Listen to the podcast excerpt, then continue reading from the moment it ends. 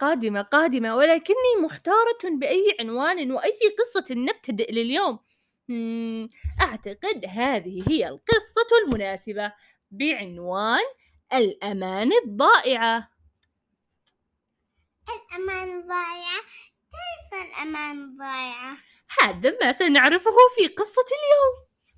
كان يا مكان في قديم الزمان كانت ليلى فتاة جميلة بسيطة ورائعة تساعد أسرتها الفقيرة بالعمل في بيع اللبن. وفي صباح إحدى الأيام جمعت ليلى الحليب من الفلاحين ووضعته في إناء كبير ثم حملته على رأسها وانطلقت به متجهة إلى السوق. كانت ليلى فتاة متعجلة تتمنى النجاح السريع دون عناء وعمل. فأخذت تحلم بأحلام بعيدة وتناسق وراءها طول الطريق دون حساب للوقت أو انتباه لما قد يصادفها. آخ منها ليلى أحلامها كثيرة ومتعبة. حيث حلمت أنها صارت تاجرة ألبان كبيرة تجمع كميات من الحليب وتستخرج منها القشدة وتصنع الجبن والزبدة وتبيع كل نوع على حدة وإنها حصلت في مقابل ذلك على مال وفير فاستطاعت أن تشتري ما تريده من الملابس والأحذية. كما حلمت أنها اشترت قطيعا من الأغنام ومجموعة كبيرة من الدجاج والطيور لتربيها وتتاجر فيها وبعد مدة أصبح عندها مزرعة واسعة للدجاج والأغنام وهي تبيع البيض واللحوم واللبن معا وتكسب من ذلك المال الوفير. حتى أصبحت من الأثرياء فاشترت بيتا جميلا ووضعت فيه أنواع الأثاث الفاخر والمفروشات الثمينة والتحف النادرة. آه! صارت غنية. يا للحول. هذه أحلامها يا رغد. هي حلمت إنها تكون غنية ولكن الواقع إنها رايحة توصل اللبن وتبيعه. أنت يا رغد ما عندك أحلام تحبينها أو أحلام تتمنينها؟ إلا إلا عندي أحلام إني يصير عندي بيت كبير غرفة ألعاب كبيرة. غرفة ألعاب كبيرة تبغين تكون مليئة بالألعاب؟ إيش بعد؟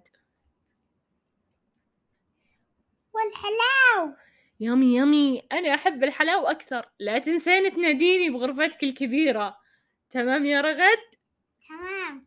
وقبل أن تستكمل بائعة اللبن باقي أمنياتها. زلت قدمها وتعثرت خطواتها فوقع اللبن وانسكب على الأرض. يا لله انسكب اللبن. يا للحول كيف مم، هذه الأحلام أدت بها إلى أن تقع أن توقع اللبن. آخ آخ يا ويلها من أبيها. وتبددت أحلام ليلى بائعة اللبن في لحظة واحدة وراحت تبكي وتلوم نفسها على ما حدث لها. فقد أدى انسياقها وراء الأحلام إلى سقوطها وانسكاب اللبن على الأرض. تلقت ليلى درسا قاسيا من هذا الموقف وأدركت سوء عاقبة الركون إلى الأمان والأحلام. بودكاست نجمة بودكاست صوتي يقدم لكم قصص صوتية هادفة.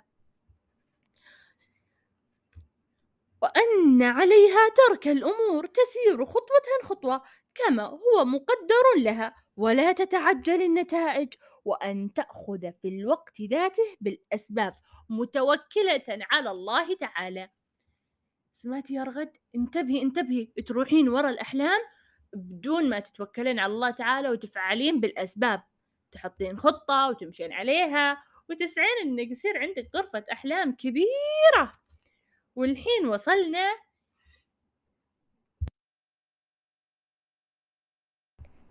الحين وصلنا إلى نقطة مهمة جدا وآخر نقطة في قصتنا اللي هي فائدة القصة إيش استفدتي من القصة يا رغودة؟